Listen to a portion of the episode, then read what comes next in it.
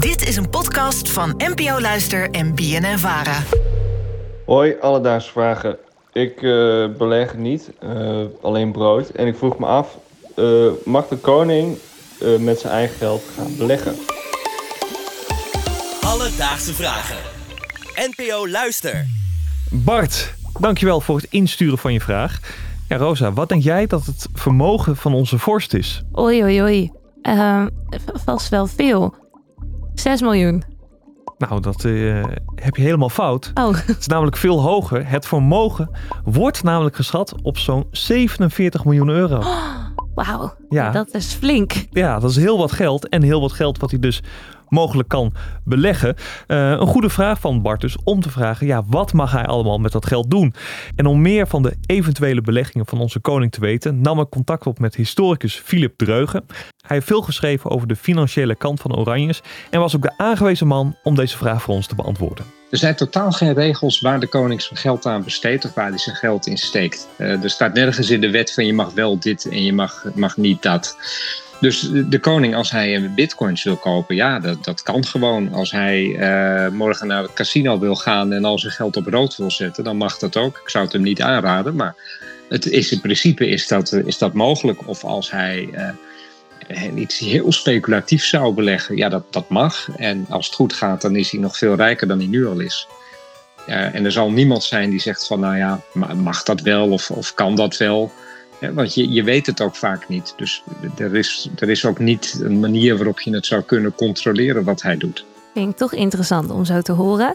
Dat is toch onze belastingcenten. Ja, precies. Nou, hier komt dan misschien toch een beetje de Republikein in mij naar boven. Ik vond het dus een hele goede vraag, omdat ja, een heel groot gedeelte, of zeg maar gerust bijna alles, betalen wij. Ja. En hij mag er dus alles mee doen. En dan vind ik het toch ergens een beetje gek dat hij het zomaar overal in mag steken en ermee mag doen wat hij wil. Ja, het heel wrang. Hij kan het gewoon allemaal verliezen als hij alles op rood zet. Dat zou wel echt een historische stunt zijn.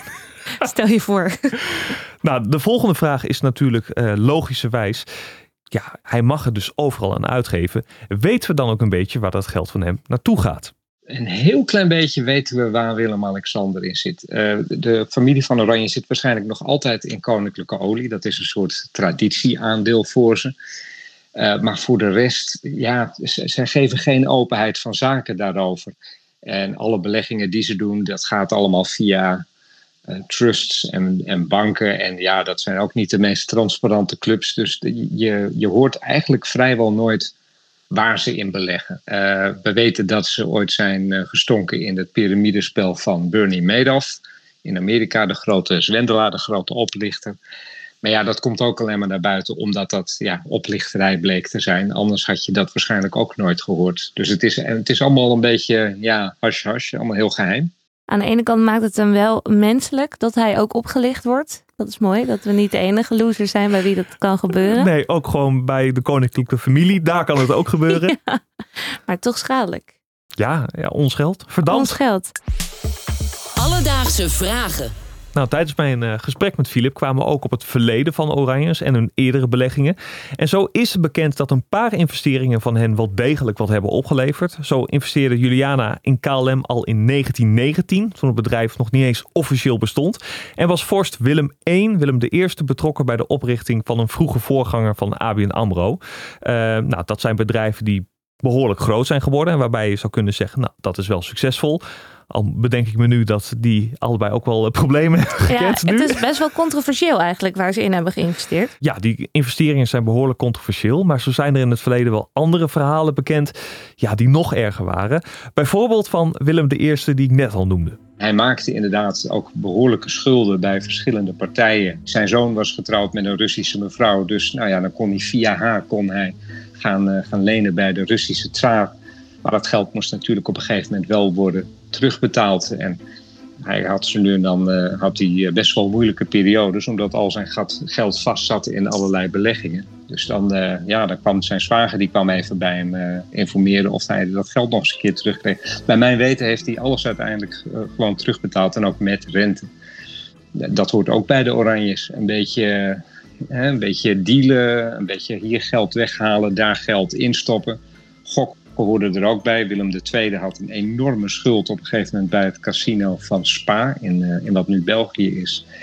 Ja, dan moesten er een paar schilderijen worden verkocht om te zorgen dat hij die schuld kon afbetalen. Dus er gebeurde, met wat geld betreft, uh, gebeurden zowel hele, hele, hele mooie, goede dingen, als ook wel eens een keer wat, ja, waren wat minder gelukkige beleggingen bij, zeg maar. Moet je je voorstellen dat er opeens een deurwaarde voor het, voor het paleis staat. Zeggen ja, kom maar hier met dat schilderij. Ja. Over die schilderijen trouwens. Um, er hangen dus nu tot op de dag van vandaag nog steeds schilderijen in Rusland. Die je daar kan bewonderen. Omdat ja, ons koningshuis schulden had. Dus Bart, in deze aflevering zochten we voor je uit of de koning ook mag beleggen.